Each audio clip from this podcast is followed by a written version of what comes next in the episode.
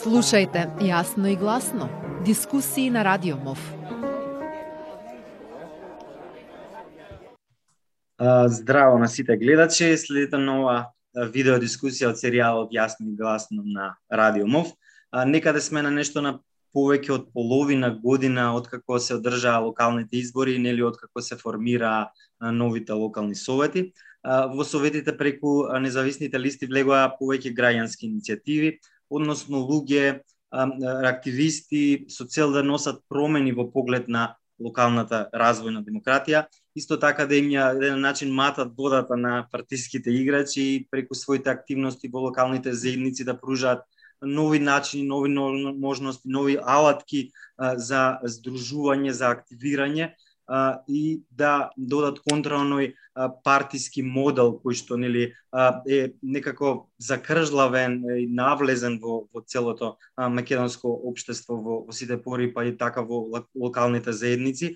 А, и тој партиски модел долги години некаде покажува нефункционалност спреги с разни сплетки, нели, одлуки само за инаед на противникот, нели, или покажува некаде немање континуитет за а, остварување на јавниот интерес од тука без разлика дали се работи за дупови паркови, инфраструктура, а, локално загадување или било какви проблеми со малата или кај што почнува се или локалната заедница, а, независните советници би рекол тргнаа во една мисија а, да покажат а, една локална проактивност што по автоматизам нели треба да значи за зајакнување на граѓанските односи, солидарност и некаква правична размена на ресурси. Од тука 6 месеци, како што реков, од како се формираа советите, целта е да поразговараме што се случува, што е направено, како тие може да помогнат на сите овие цели, на какви проблеми наидоа советниците и што треба да се работи во иднина. Со мене во оваа дискусија имам Габриела Илиевска од иницијативата Поинаку од Битола, а потоа Јана Белчева од Шанса за центар од Скопската општина Центар и Хамди Сулемани од иницијативата Подобро за Тетова. Благодарам на сите што учествувате во оваа дискусија. Габриела би започнал со тебе. Зашто? Затоа што како иницијатива поинаку вие бевте први со Иван Чулаковски, ако не се лажам, уште пред ам, неколку години 2017. како Молам? 2017. 2017, да. Влеговте како ам, тогаш во, во Советот, а, а, а сега станавте и независен председавач од независна нели иницијатива а, која што влезе во советот на Битола. А, што значи еве да речеме на на, на локално ниво? Практично првпат како што ми рековте претходно нема некоја класична коалиција, туку вид на соработка некоја. Како од една страна се справувате со проблемите на граѓаните и јавниот интерес, од другата страна може би имате сопки од самите партии, како што кажав на почеток. Um, морам да кажам дека како што беше во 2017 ново да има независни советници, ова е пак нешто ново на кое многу тешко се навикнуваат сите. А, искрено да сега секој си имал комодитет, секоја партија си имала целосно мнозинство и апсолутно не се грижела за тоа кој друг ќе влезе во советот и се носеле стриктно партиски одлуки, се гласало за или против, како што кажа предходно, за инаед. Uh, не дека многу е сменато тоа за Инаец, морам да кажам дека во изминатите 6 месеци јас навистина се чудам uh, на некои одлуки кои не се прифаќаат, на некои предлози кои не се прифаќаат, бидејќи во изборната кампања сите се колнат до безвес во транспарентност, во соработка, во работење за доброто на граѓаните и така натаму. Морам да кажам дека навистина е ново за посебно за нас како општина, мислам дека и за сите други е ново кога ќе кажеш дека нема онаква класична коалиција како што се прави во парламентот, како што се правило досега во а, локалните совети, седнуваш на маса, се договараш толку директори, толку раководители, толку замерници, толку вработувања. А, едноставно ние влеговме во ова во овој совет со цел да ги промениме работите. Првата промена е таа што сакавме нормално да имаме председател на совет за да знаеме какви точки доаѓаат на дневен ред бидејќи тоа е еден вид контрола над градоначалникот. А, многу е важно да се има соработка прво со градоначалникот. Во овие 6 месеци јас морам да кажам дека успеавме да го донесиме до еден висок да донесиме да го донесиме советот до еден висок степен на транспарентност. А, значи во првите 6 месеци, односно во првиот месец, а, општина Битола отвори канцеларија за за а, прием на граѓани. Секоја советничка група има свој ден и неделно има отворен ден за граѓаните. Втора работа која што ја направивме тоа е снимањето на комисиите на Советот. Мислам дека сме први во Македонија, каде не само седниците на Совет, туку се снимаат и комисиите, каде што реално се решаваат а, проблемите и каде имаат збор и оние кои се предлагачи, и оние кои се изработувачи, и оние кои се од администрација и така натаму. Значи, сакаш да Дали извини ќе те прекинам. Сакаш да ми кажеш да ми биде појасно на луѓето. До сега некои општини мака мачат за да се внесе снимање на основните совети Да. на седниците, а ова е нешто што комисија пред самата седница пред што самата седница. Седница, окей. Да. Тоа е нешто каде што на вистина се решава на кој начин ќе оди цела постапка. Uh, и морам да нагласам дека во 2017 ние бевме тие советници кои на вистина мака мачевме да се снимаат седниците и морам да се навратам на едно време кога сами со мобилен телефон се снимавме и кога на таков начин ги вадевме работите од внатре. Морам да кажам дека ова е многу здраво за општините, многу здраво за самите за самата функционалност, иако е тешко прифатливо за партиите, ќе биде уште потешко, бидејќи гледам дека и колегите од другите градови кои се независни советници стојат на своите ставови, што мене лично ми е гордост, морам да кажам. И мислам дека само на таков начин можеме во најмала рака да ја вратиме вербата на граѓаните дека сакаме нешто да промениме и дека тоа промен, таа промена мора да дојде однатре од институциите, бидејќи сите ние сме биле дел сигурно и од некакви протести, и од некакви а, демонстрации да ги наречам, меѓутоа сепак работите може можете да ги смените само внатре во институциите.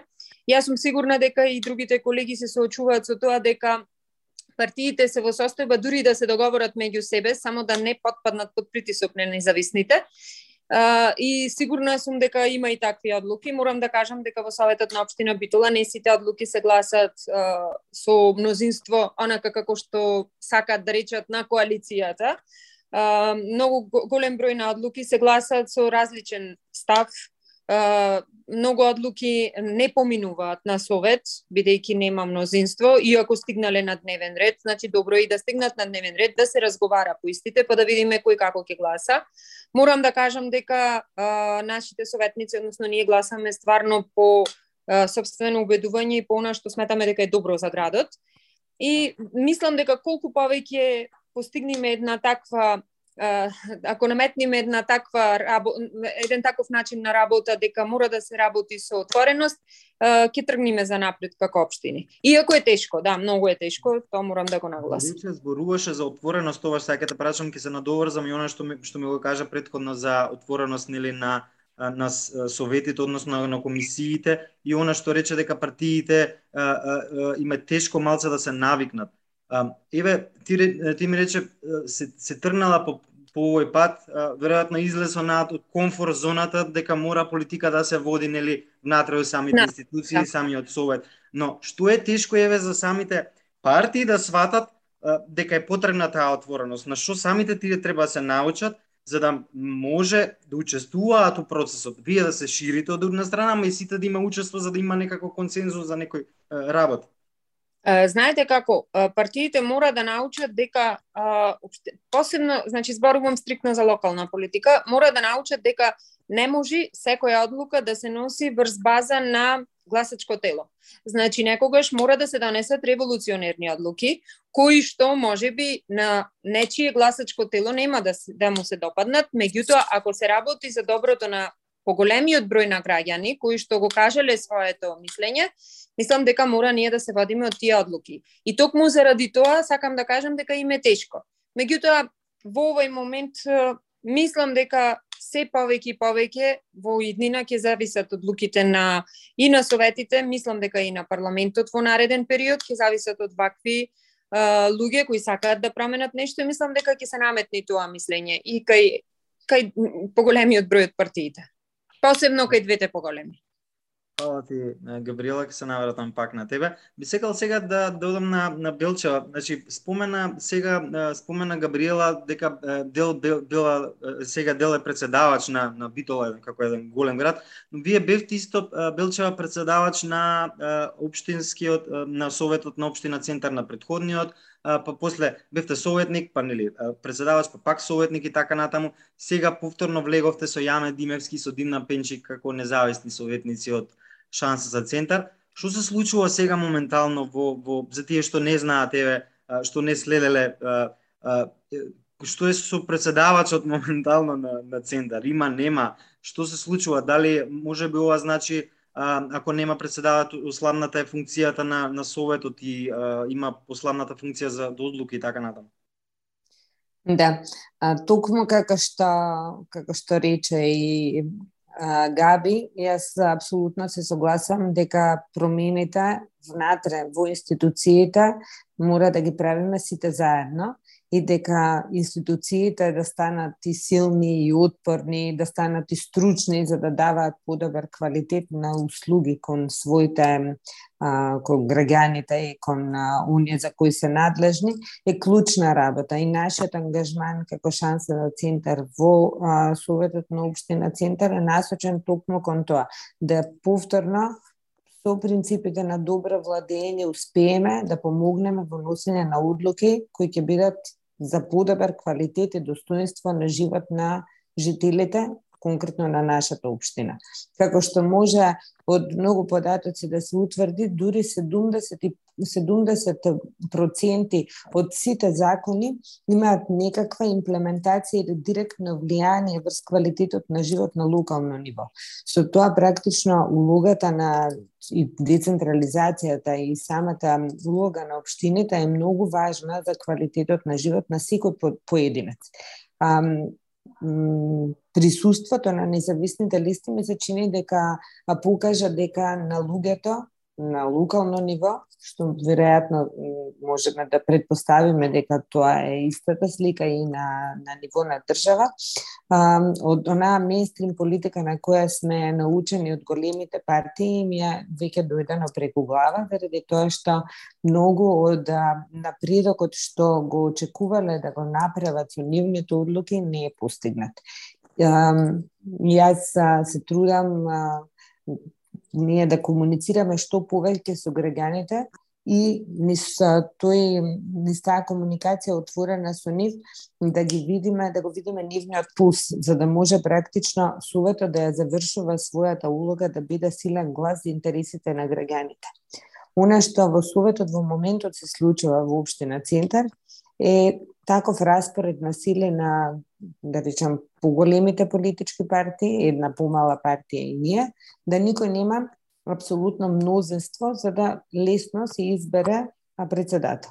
Но тоа не значи дека нема задкулисни игри и договарање. За жал, немањето на председател на совет значи немање на лична со целосна посветеност и одговорност за организацијата на одлуките кои се предлагаат на советот. Со ова мислам дека и улогата на еден силен совет кој ќе значи силен глас на интересите на граѓаните не е постигната, па така имаме многу често материјали пуни со грешки, недоречености, двусмислености и она на што мислам дека за жал се враќаме на назад, а, аналитика скоро и да не постои, се случува да ние без никаква а, квалитетно образложение и а, базирано на некаква нели некаква податочна анализа носиме одлуки кои само ги ослабнуваат а, и дискусиите, но и се закана за квалитетот на, на тие а, одлуки. А, јас а, искрено се надевав дека ќе се смогнат сили за да ги препознаеме луѓето во советот кои имаат капацитет и можност да го водат советот и тоа не да го водат по жилба на малкумина, него за да го направат силен за интересите на многумина, но тоа за сега не се случи. А, ми се чини дека вака е малку неодржливо и дека се враќаме на назад, особено што и институционалната меморија на Советот, не зборувам само заради тоа што сум јас советник што бил и во предходниот совет, туку и на самата институција Обштина, а, институционалната меморија како да не достига или како да се вратиме на назад за работи кои веќе сме ги договориле или одлуки кои после макутртна работа и многу анализи, па дури инвестиции сме успеале да ги направиме, сега во новиот совет се нема интерес или да се доспроведа до крај, или се покажува некаков апетит и интенција дури и да се поништат или да ги снема. И ќе кажам само две накуса. Едната да е, например, конкурсното решение за поранешната фабрика Треска. тоа конкурсно решение ни не е многу долго, минатиот пат го буткавме за да се најде како одлука на совет за да се издвојат а, и финансиски средства за комисија која ќе изработи програмата за конкурсот, комисија која ќе ги а, оценува пристигнатите трудови и ќе избере труд, да сега ни се случува да иако е сето тоа покриено со пари од граѓаните, општината, начело со градоначалникот, нема волја ниту да ги објави решенијата, а, држајќи си се само до старите планови како да одлука на совет не постоел, што е практично прекршување на законите. И уште една одлука за која а, во моментот се бориме да не се случи, односно да не се поништи оно што е постигнато, а тоа е програмата за урбана упрема, во која се даваше на јавниот простор уредување на јавниот простор по мерка на сите корисници на просторот, а не само на оние кои прават некакви деловни активности на јавен простор, како што предходно за жал се случуваше, па сите ние други граѓани кои не правевме нели деловни активности, односно не профитиравме од јавниот простор, губевме во квалитетот на живот, во безбедноста на движење, во безбедноста на движење на само, нашите само, деца. Јана, тука ќе те прекинам само малце да попластично да објасниме за ова последно. Корисници на дален простор, дали се тоа збориме за од кафулиња, ресторани, тераси јавни, узурпирање на јавен простор на улица, на тротоари, на делови фрижидери, тезги Да. и се друго што се наоѓа на, на јавниот простор. Па ја тука би ги кажала и билбордите. За, за мене ми се чини дека тоа а, не само што е визуелно загадување на градот, туку е и загадување на јавниот простор, особено кога ќе видите билборди на резиденцијални улички или на, на улици кои воопшто не се булеварски и нема таков простор и, тие, и го наградуваат и светлосно а, загадување прават и дополнително што многу често се баш на тротоари, на пешачки или на велосипедски, на велосипедски патеки, а за за нивно поставување не се плаќа комунална такси, иако го зафаќаат јавниот простор. Така да ние имавме барем направено една програма со која програма го определувавме а, да речам подеднакво правото на сите корисници на јавниот простор што сега со една иницијатива на угостители Советот покажа брзо спремност да ја поништи предходната одлука и да им даде дури а, повикувајќи ги инспекцијските служби на општината да направат мораториум на контрола, што е само само укинување, значи оној што донал закон и треба да ги спроведува законите на своите инспекцијски служби да им каже да не ги спроведуваат законите, мислам дека е нонсенс. А, за среќа, тука повторно само уште ова да го кажам, а, транспарентноста за која и Габи зборуваше, снимањето на седници и објавувањето на снимките помогна и граѓаните да станат свесни на која насока може таа одлука да заврши, па со една контратежа, да речам, на иницијативата на една заинтересирана страна, дадоа предлози свој и сега веќе не можат ни така лесно да поминат одлуките кога се подбудното око на јавност. ќе се вратиме повторно после на Јане на тебе пак и на Гамрила. Хамди, во Тетово па имаме една моментално би рекол многу чудна ситуација, нели откако еве повеќе од 6 6 и нешто 7 месеци откако заедно со вашата соборка Елмедина влеговте во советот со иницијативата Подобро за детово, овој град има една различна ситуација, односно нема совет, не, не функционира советот.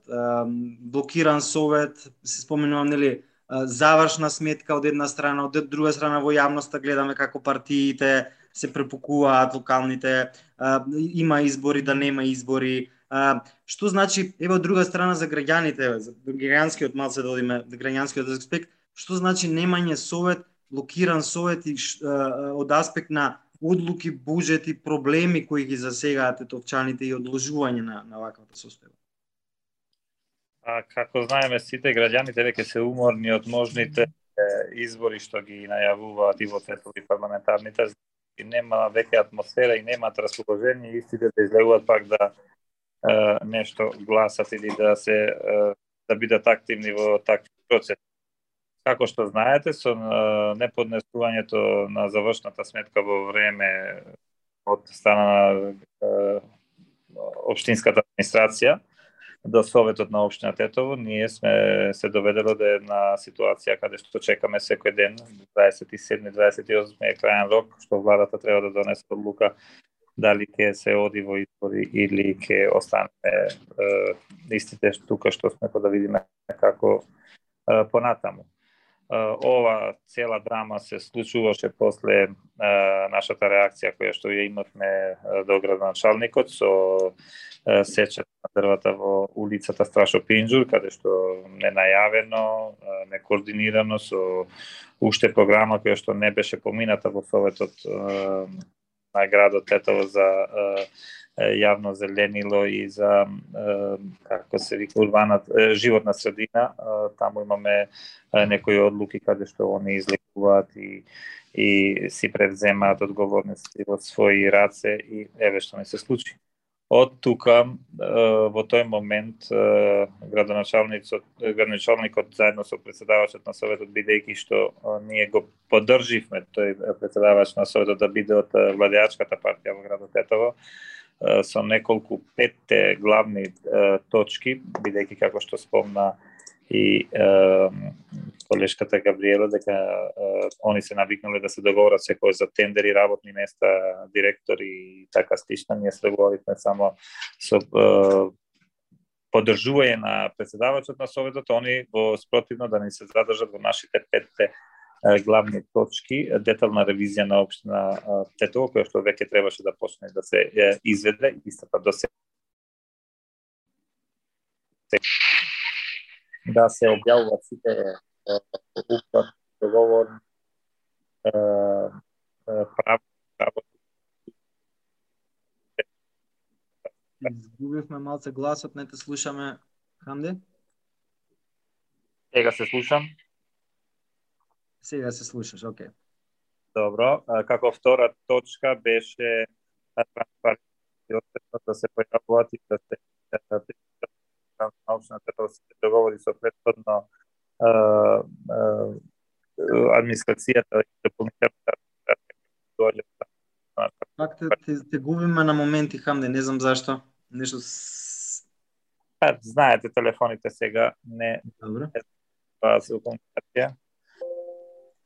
Како трета точка беше разгледувањето на урбанистичкиот детален план за блок 57, така познат како како блокот Келак, односно тој блок веќе е суспендиран со одлуката во Советот и за истиот веќе се обработува нов план каде што ние параме а, да се почитуваат сите нормативи и прописи процента на натаму како една од главните точки на околу транспортната пак исто да е, но да се фокусира како градоначалник од општината и советот да ги информира граѓаните за секој момент што се случува преку онлайн платформите, апдейтира на секојдневна веб страна, апликации кои се може на електронски начин да доведат на едно убрзување на процеси, да немаме проблем со корупција воопшто, бидејќи се тропнува во врата,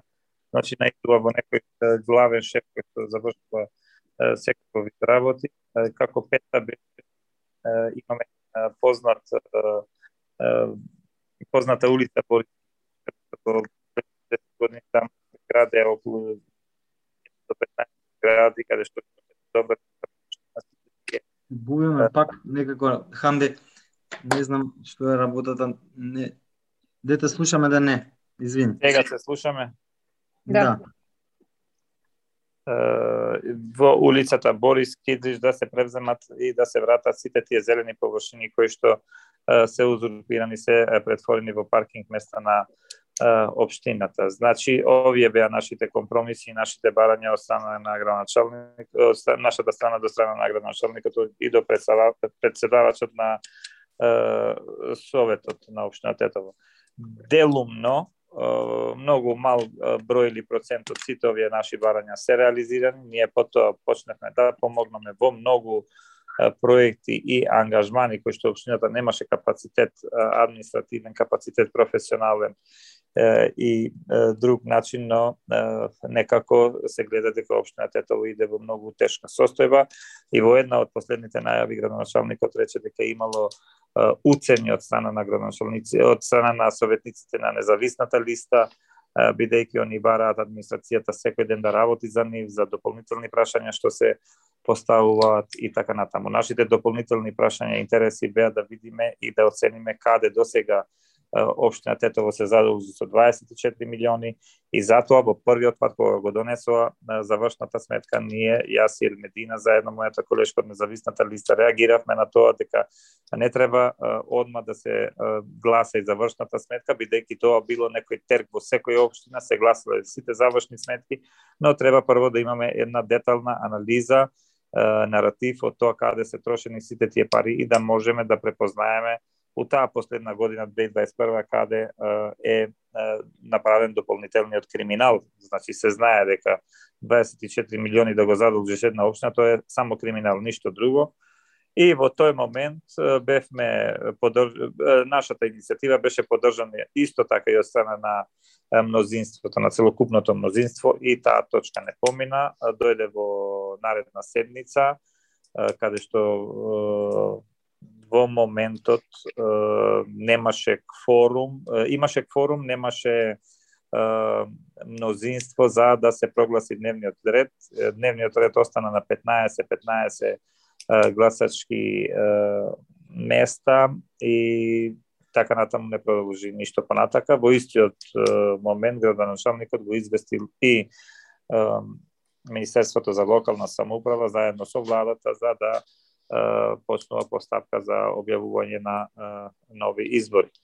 Но како што гледаме, веќе поминува месец дена, немаме никаква повратна информација и од страна на председавачот на Советот и од страна на градоначалникот, исто така и од владата и мислам дека ќе остават да се продолжи со истото мнозинство.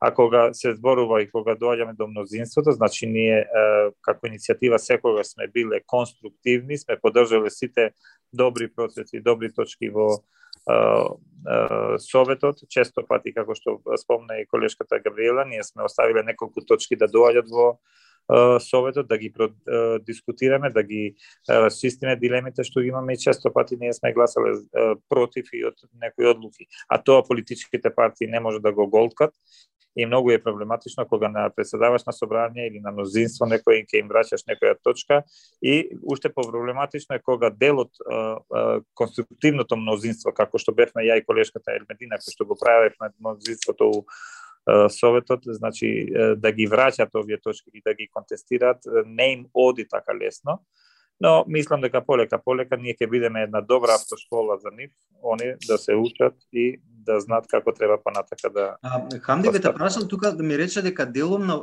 вашите пред ова да се случи со со советот да дојде во ваква ситуација, сте имале некои предлози, делот делумно од вие прифатени, голем број не биле прифатени од од од, од, од општината, од градоначалникот рековте од од тогаш дали дел од овие работи имаат врска со работењето на Советот. И сега сето тоа може од една страна се скористи како него аргумент, еве Советот го нема, не може да се решат овие работи. Или директно завршат може би од капацитетите на самата на самата општина за да може да се продолжат сите овие работи што вие ги имавте како приоритети. Спомнавте различни од градежништво и така натаму јавни простори.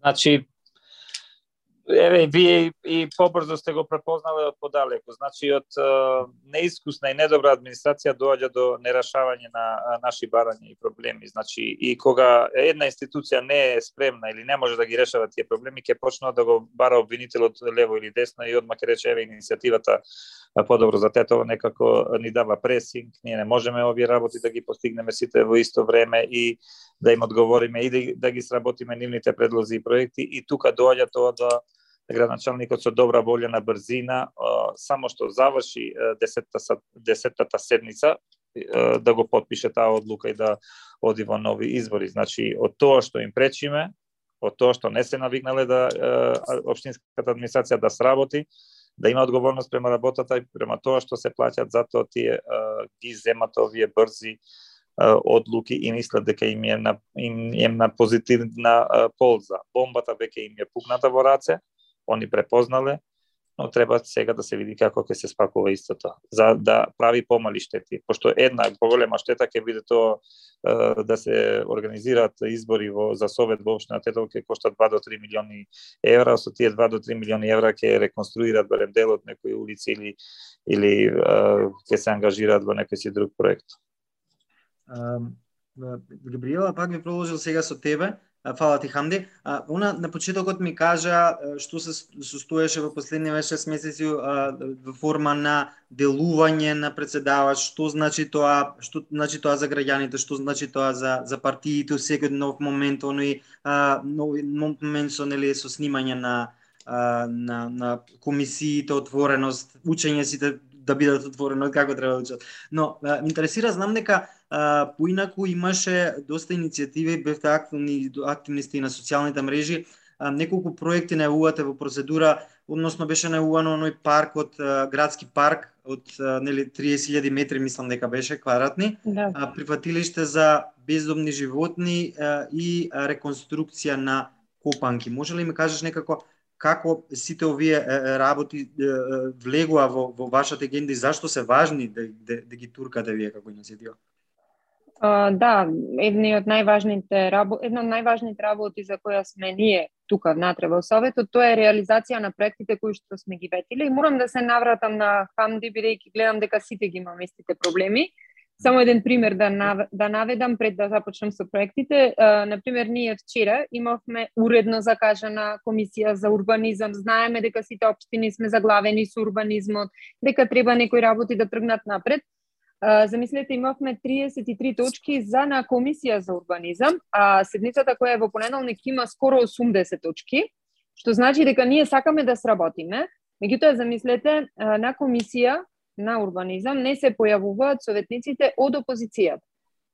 И uh, едниот советник кој што доаѓа од uh, другата помала политичка партија, што значи дека остануваат само двајца советници од мнозинството и комисијата не може да се одржи.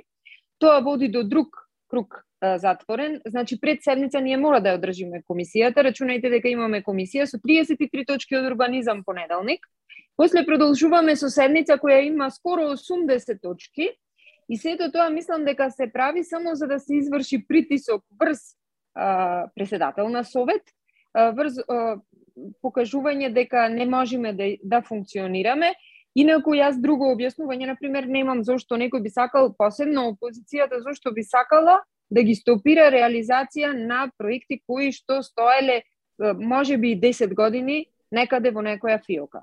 Во контекст на, на проектите, баш заради тоа и ова го кажав, точно е, трите проекти се веќе најавени, истите сметам дека до крајот на годината ќе го видат и светлото на денот со својата реализација, бидејќи за сите три се за сите три се предвидени и средства.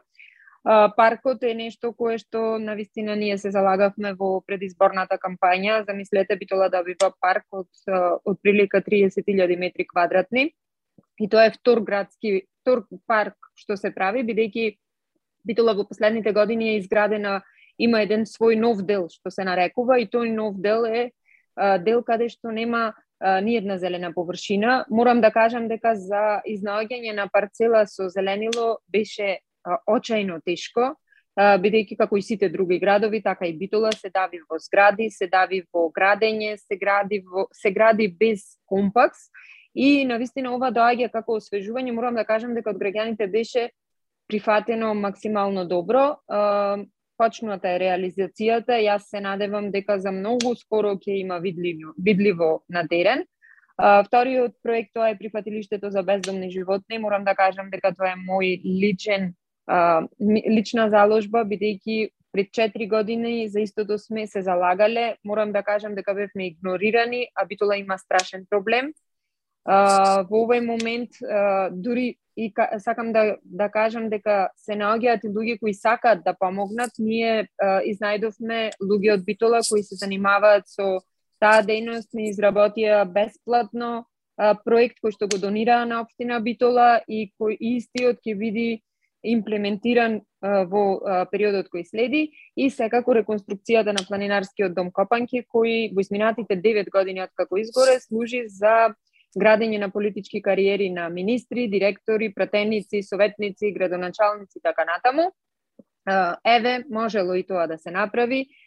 Морам да кажам дека ако се сака, се се може, ако се сака, може сите заедно да ги спроведиме одлуките Меѓутоа морам да кажам дека дури и овие три добри проекти не не одеа така лесно и со одобрување на сите uh, сите советнички групи кои се внатре во Советот на општина Битола. За крај ќе кажам само еден пример. При промоцијата на местото каде што ќе се наоѓа паркот, јас лично како председател на совет редовно за сите за сите настани, за сите работи кои се случуваат во градот, упатувам покани до сите советници, значи не само до координаторите, туку до секој советник лично. И морам да кажам дека на вистина ми беше криво што колегите од СДСМ и коалицијата и колегите од Левица не, не се појавија дури и да видат. Значи, се, секогаш им може да добиеме од секој предлог и од секој може да добиеме нешто плюс за да го спроведиме. Јас сметам дека тој парк ќе биде за сите битолчани, како што, на пример, би бил парк во Тетово или парк во Скопје. Тие не, парковите не се со политичка ознака и дека нема да одат тие луѓе во тој парк. Но вистина мене ми е смешно. Може би не размислувам така, меѓутоа некои работи се навистина смешни да плукаш такви проекти и такви работи кои се градат во градот.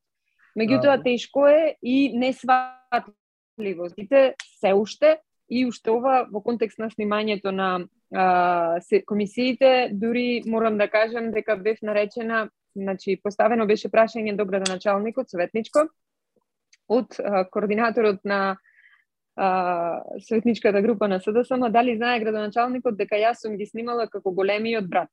Јас не можам да разберам некој што е во опозиција да не сака да има транспарентност, да прашува, да спроведува, мене тоа не ми е навистина сватливо.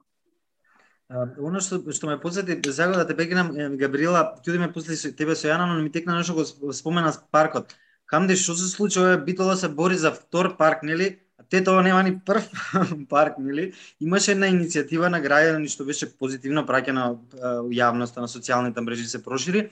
А, нели те тоа сака парк.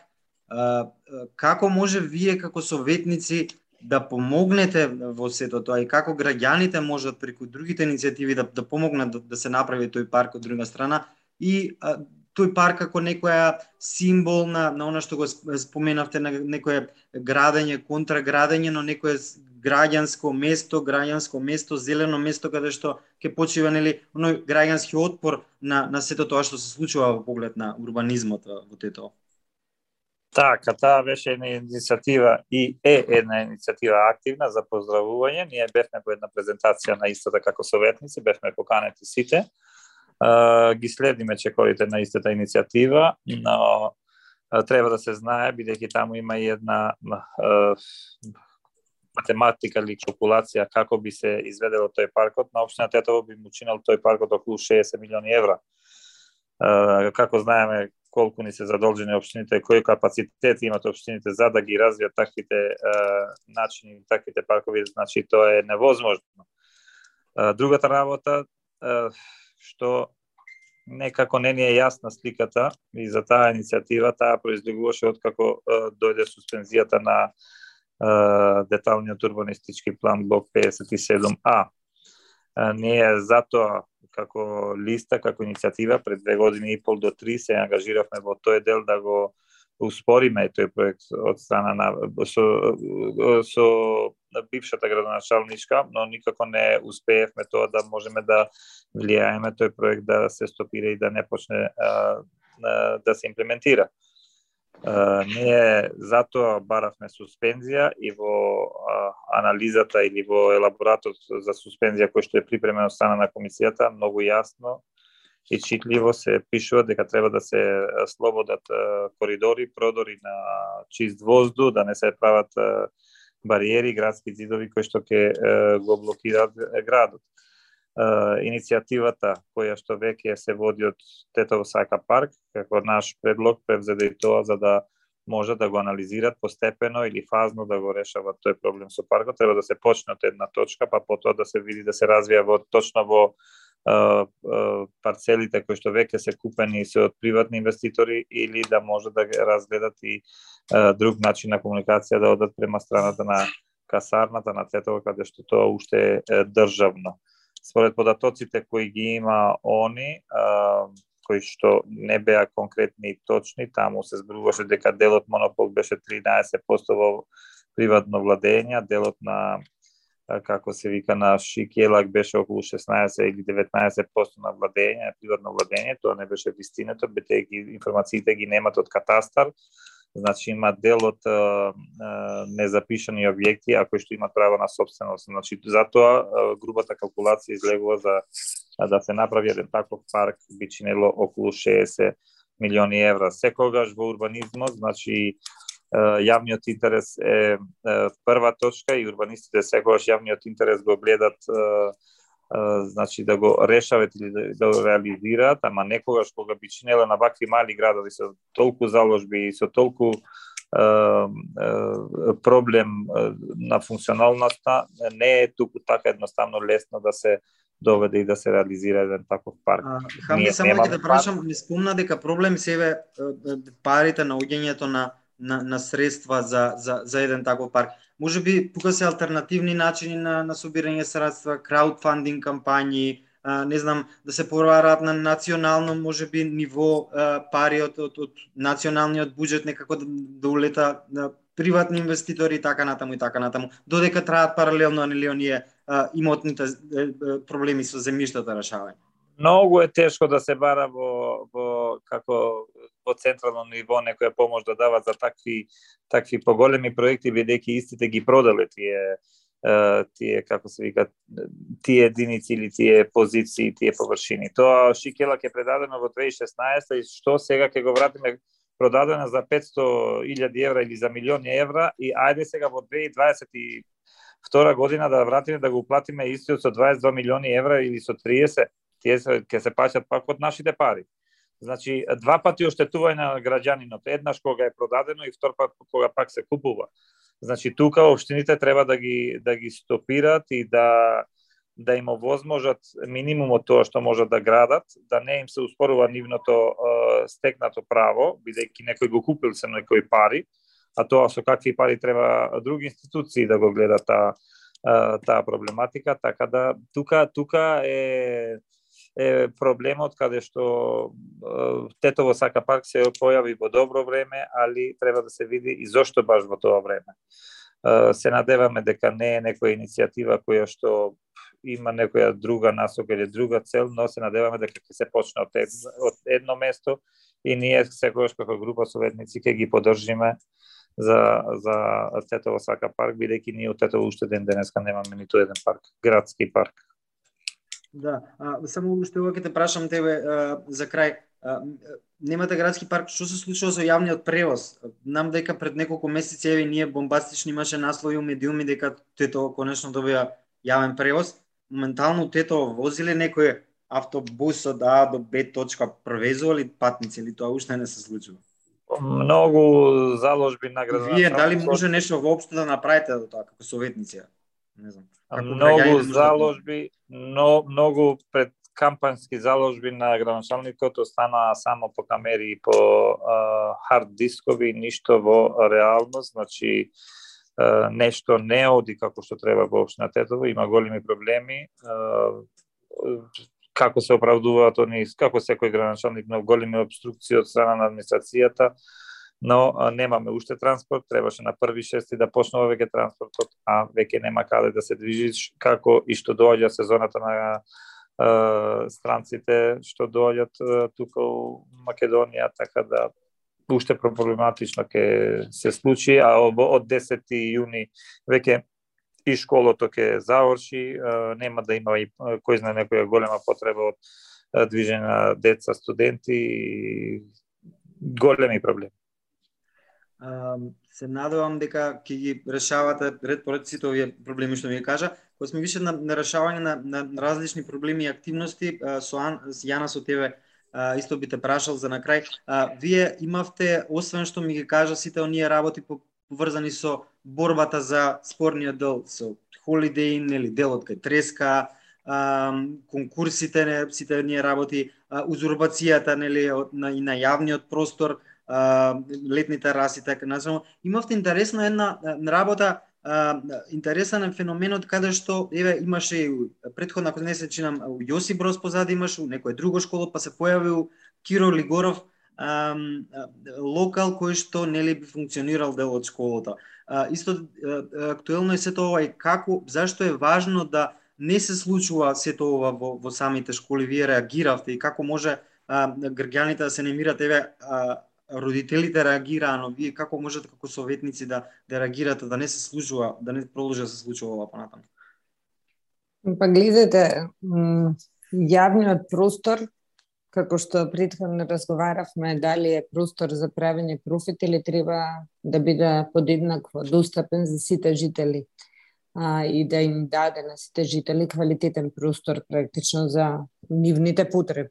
Она што е двор во училиште, секако има првенствена намена да биде простор за децата од, од училиштето. Ние се соочуваме со едни други проблеми кои исто така не смееме да ги заборавиме, а тоа е на кој начин се финансираат општините, па потоа и како се финансираат општинските институции, а училиштата се општински институции. И според законот, тие имаат право на вистина да издаваат а, дел од својот простор вон часовите, за да со тој со тоа издавање некакви само финансирачки активности имаат за да си ги покријат другите сметки за кои не им стигаат доволно средства но балансот мора да постои никој да не биде уштетен, бидејќи ако дозволиме само заради прилив на пари просторот да го распродаваме, ќе не се случи токму ова што и Хамди да го зборуваше.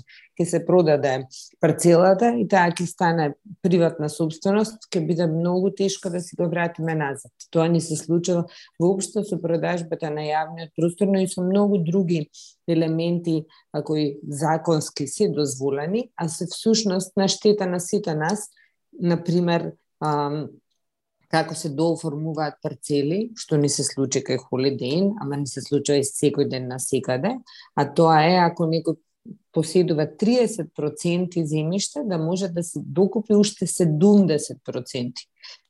Мислам дека тоа е една одлука која иако се води како законска, е драконска, во однос на интересот на жителите. Ние со тоа си го распродаваме државниот имот или дозволуваме државниот имот лесно да стане плен на оние кои можат да направат а, откуп на земјиштето за потоа да го мултиплицираат профитот. Втора работа е начинот на легализација, па дури и овие процеси на денационализација на големи објекти, како што е случајот со Триска, кој еднашка вратен на собственикот, на каков начин, без да коментирам, многу е тешко повторно да стане простор кој ќе му служи на целиот град или на, на граѓаните во непосредната околина. Нам во центар не се случува, за жал, губење на јавен простор за вредност од 7 евра по квадрат, што е нонсенс. Ми се чини дека тоа да не излезеше во јавноста и медиумите да не ги будно процесите на продажба на државно земјиште, никогаш немаше да се случи промена и на таа одлука за која многу пати предходно сме алармирали. Но тоа финансирање на обштините за да ги задоволат потребите и за да може да одговорат на, на потребите на граѓаните, мора да биде адресирано и ние сите мора да зборуваме за тоа на кој начин не само се троши, туку и како се полни обштинскиот буџет.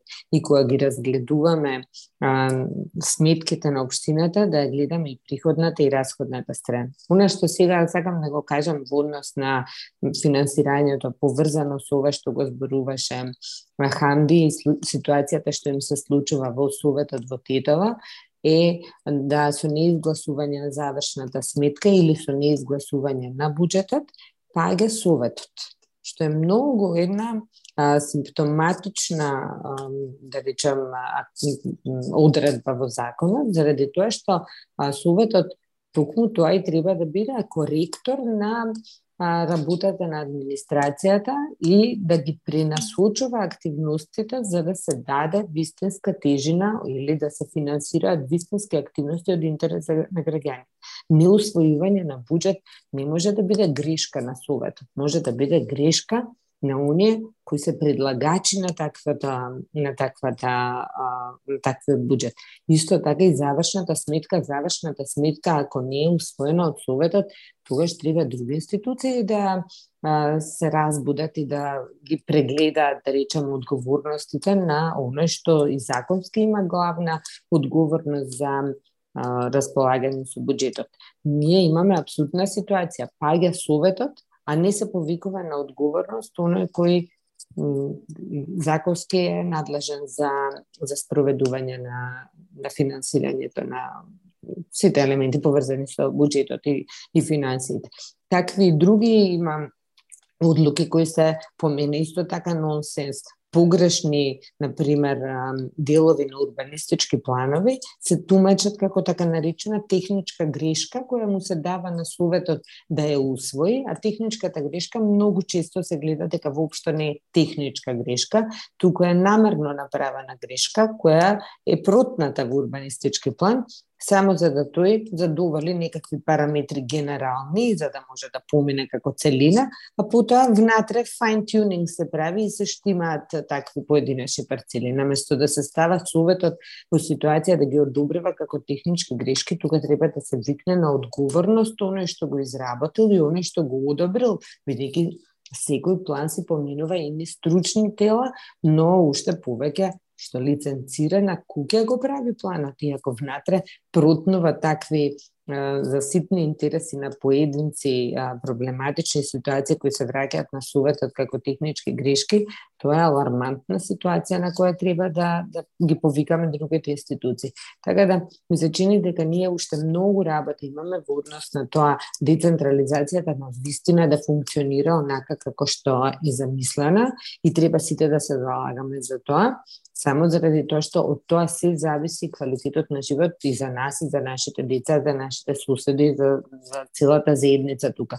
Ми се чини дека транспарентноста многу помага и а, будноста, да речем, на медиумите и сензибилизирањето на јавноста за сите овие проблеми е клучно важна за да може да направиме промени на, на локално ниво. Промените на локално ниво се оние кои граѓаните најбрзо и највидливо ги, ги чувствуваат на, во секојдневието.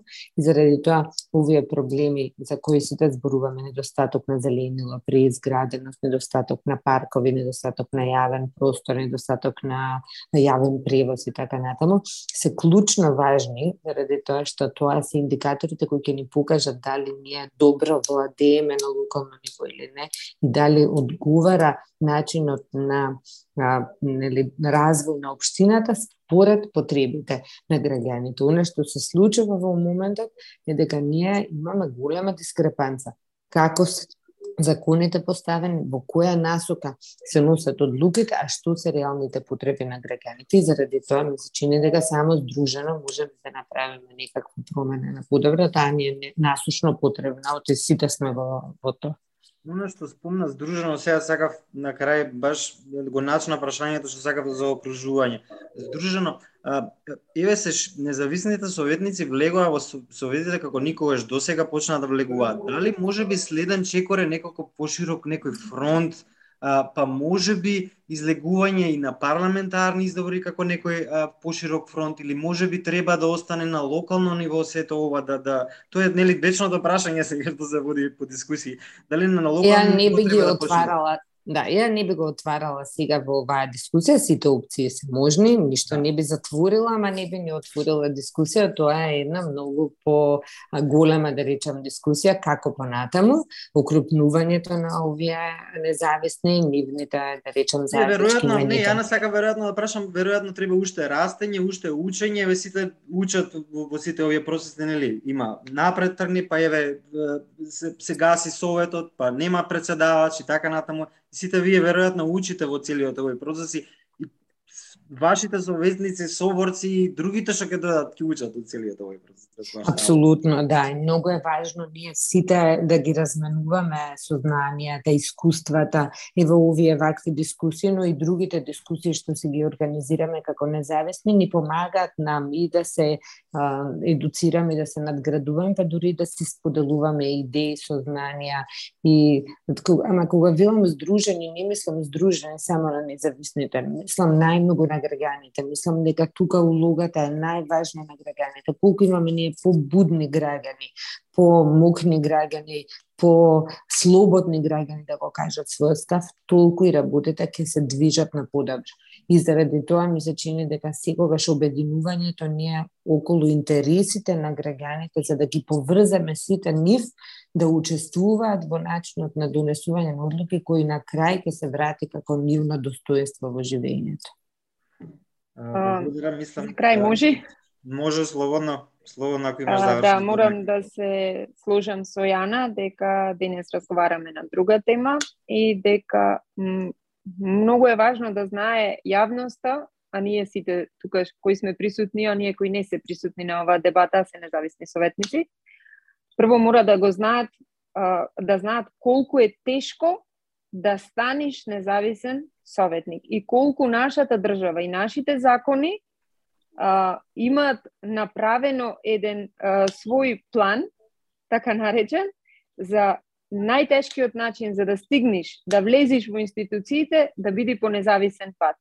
Затоа сметам дека кажав и на почетокот дека мене ми е многу мило што сите ние останавме на своите ставови во овие 6 месеци и воопшто не се сомневам дека ќе останеме на истите ставови понатаму и тоа е оно што во, во овој момент треба да ни биде важно и нормално слушањето на граѓаните како што кажа Јана да не се да не се тргаме најважното нешто е да слушаме. Да слушаме што ни кажуваат. Секое тргање настрана од слушањето на граѓаните ќе биде а, уништување на надежта на секој од нив дека нешто може да се промени. И на крај се сложувам исто со она што го кажа дека а, малце е нелогично паѓа не се гласа завршна сметка паѓа совет не паѓа градоначалник. Тоа е стварно дури смешна смешнен дел од законот кој мора во најбрз временски период некако да се изнајде начин да се промени бидејќи тоа не е нормално да биде така. И а, ние денес цел ден зборуваме за советот и за советниците, бидејќи тоа сме, меѓутоа една од најважните работи е а, соработката меѓу институцијата совет и институцијата градоначалник. А, колку повеќе има соработка, толку повеќе може да функционира општината. Доколку нема соработка, колку и да сакаме ние нешто да постигнеме, се враќаме на она што му се случи на Тетово, дека советот колку и да работи, доколку нема слух кај градоначалникот, советот може да падне, може да има избори, а сите знаеме колку е тешко. Нај, најтешко мислам дека е сега после 6-7 месеци да има избори. Мислам, не само од финансиска страна, туку сметам дека е многу тешко и во оваа ситуација во која се наоѓаме, и како држава и како општини, и со финансиските проблеми и со се друго, дека е најтешкиот период да се организираат а, избори. Меѓутоа, може би наменски се случуваат не, некои работи, бидејќи еве и Центар, и Тетово, и Битола, никој нема мнозинство без независните советници. Мислам дека сме единствени три општини во државата. Благодарам сите луѓе за, за учеството. Може уште многу да се збориме, ама више поминаа 40 минути овие предвидени што се. Благодарам сите уште еднаш за учеството. И посакувам успех понатаму со во советите, сите активности, проекти, Ке имаме соработки понатаму и на медиумски план, така да ќе бидеме во контакт и посакувам сите убав ден на гледачите дојдување нели до следната епизода на Јасно и гласно. Поздрав од сите. Слушајте Јасно и гласно. Дискусии на Радио МОВ.